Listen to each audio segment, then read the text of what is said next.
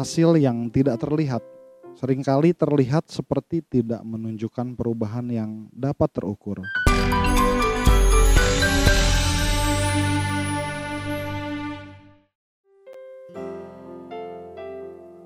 Shalom, apa kabar Naposo yang penuh inspirasi? Semoga semua dalam keadaan sehat dan penuh sukacita. Mari kita mulai hari ini dengan memberikan senyuman kita dan sapaan kita kepada Tuhan Yesus, Tuhan kita.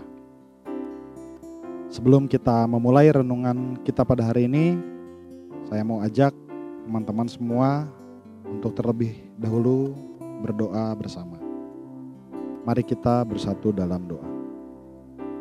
Tuhan Yesus, terima kasih untuk hari yang kau berikan kepada kami dan terima kasih untuk penyertaan-Mu yang tak pernah lepas dari hidup kami. Berkati hati dan pikiran kami agar kami mampu memahami firman-Mu serta melaksanakannya dalam hidup kami. Amin. Tema renungan kita pada hari ini adalah bertahanlah dalam proses. Kita mau sama-sama membaca firman Tuhan yang tertulis di Ibrani 10 ayat 35 sampai ayat yang ke-39. Saya akan bacakan untuk kita semua.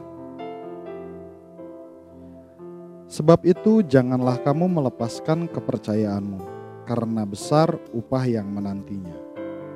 Sebab kamu memerlukan ketekunan, supaya sesudah kamu melakukan kehendak Allah, kamu memperoleh apa yang dijanjikan itu.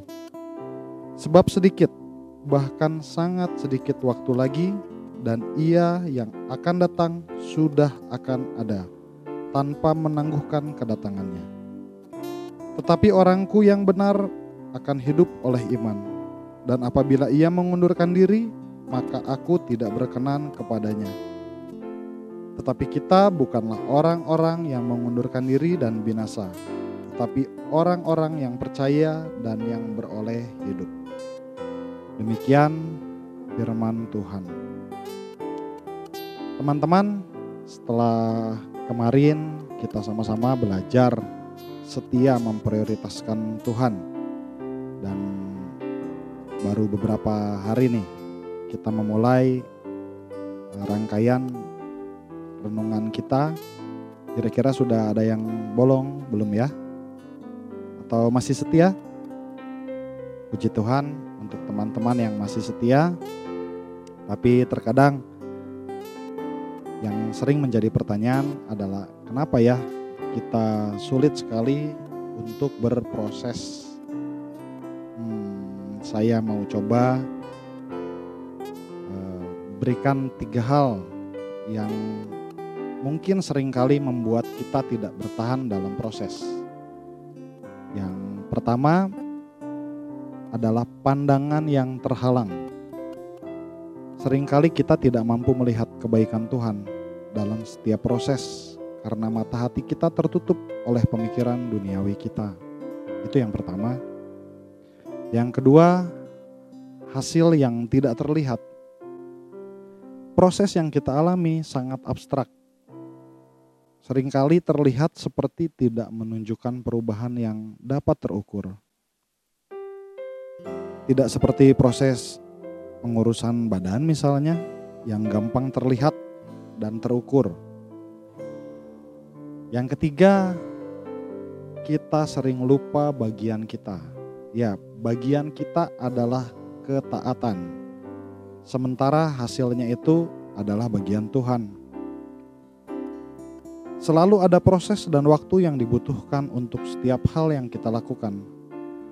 Saat kita meminta, ada proses dan waktu hingga hal yang kita minta diberikan.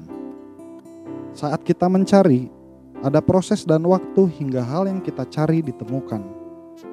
Dan saat kita mengetuk, ada proses dan waktu hingga akhirnya pintu dibukakan. Teman-teman, Tuhan ingin agar kita dewasa dan kita orang Kristen harus bertumbuh dengan setiap tantangan. Kesetiaan dalam setiap proses akan membuat kita tahan uji dan hal itu hanya dapat dicapai dengan relasi yang berkualitas antara kita dengan Tuhan. Yesus sudah membuktikan bahwa ia juga bertahan. Dia menyelesaikan tugasnya sampai ia disalibkan. Teman-teman, percayalah, setiap anak Tuhan diberikan kesempatan untuk menjadi berkat, meski harus menghadapi tantangan. Oleh karena itu, mari kita gunakan setiap waktu yang ada karena setiap masa itu bernilai. Dalam renungan kita hari ini, mari kita bersatu dalam doa. Tuhan Yesus, kami sangat bersyukur jika Engkau masih melihat kami, memperhatikan kami, bahkan mendewasakan kami dengan segala hal yang telah terjadi dalam hidup kami. Tolong kami Tuhan, agar kami tidak menyia-nyiakan setiap proses pendewasaan yang telah kau pilihkan untuk kami. Ke dalam tanganmu kami serahkan seluruh hidup kami dan terjadilah sesuai dengan kehendakmu. Amin. Demikian renungan kita pada pagi hari ini. Selamat beraktivitas kembali kepada teman-teman semua. Tuhan berserta kita.